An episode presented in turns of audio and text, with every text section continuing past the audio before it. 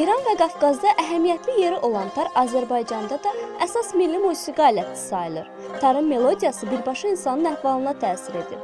Bu səsin həm də müalicəvi xüsusiyyəti var.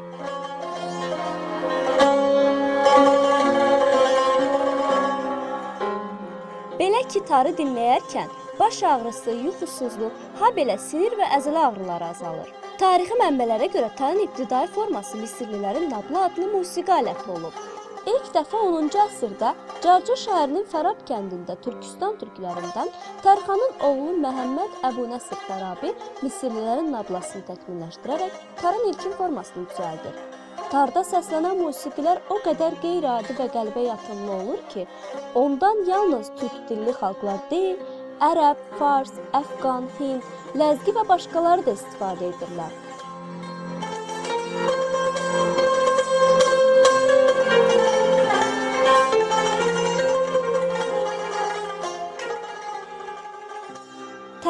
Həyat gətirən isə Şuşalı Sadıqcan olur.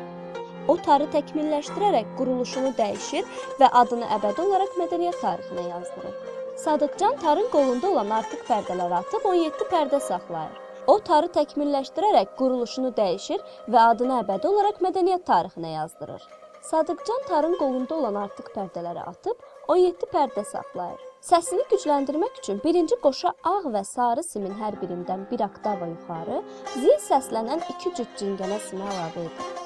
Tarın rezonansını artırmaq üçün sarı simdən bir oktava aşağı, yəni bəm səslənən bir qalın sarı boş sim də artırır. Bundan əlavə tarın qolunun yuxarısında, yəni kəlləyə yaxın yerdə əlavə pərdə bağlamaqla lal barmaq üslubunu icad edir. Sadıqcana qədər tarın 5 simi var idi. O tara 6 sim də əlavə edərək bu sayı 11-ə çatdırır. İlk vaxtlar diz üstündə qoyulub əyilərək çalınan tarı ilk dəfə Sadıqcan sinəyə qaldırır. Məhz onun təkmilləşdirdiyi Azərbaycan tarı Qafqazda və Orta Asiyada geniş yayılıb.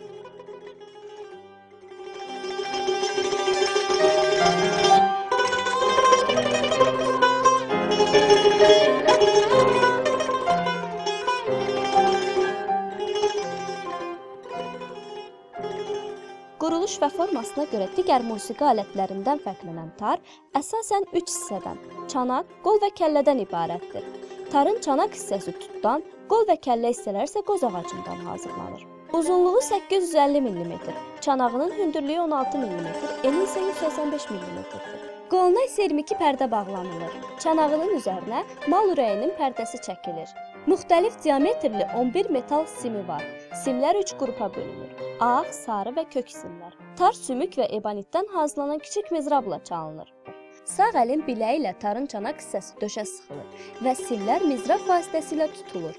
Tarın qolu sol əlin baş və şahadət barmaqları arasında sıxılır. Simlər sol əlin şahadət, orta və atsız barmaqları ilə müxtəlif pərdələri sıxmaqla çalınır. İfaçı mizrabı simə vuraraq tarı döşünə sıxmaqla səsi uzun müddət dalğalandırır.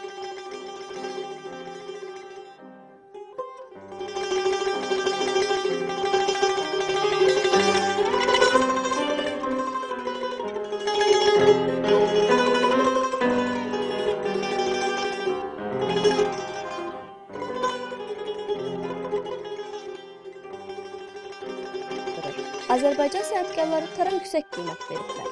Dahi bəstəkar Üzeyir Hacıbəyovun Leyli və Məcnun operasında tarın milli xüsusiyyətlərini görmək mümkündür. Bəstəkar tardan təkcə melodiya üçün deyil, həm də akkordların ifasında da istifadə edib. Dahi bəstəkar Fikrət Əmirov tar haqqında belə bir fikir söyləyib.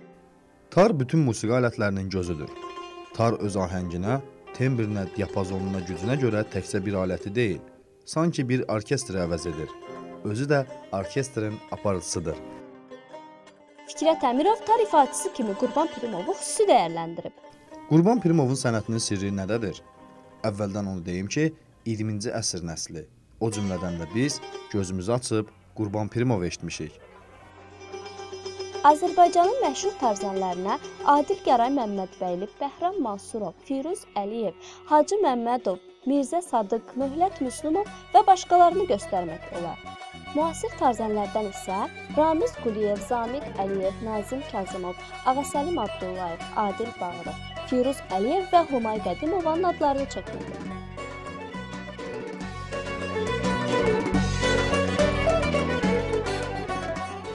Fəridə Süleymanova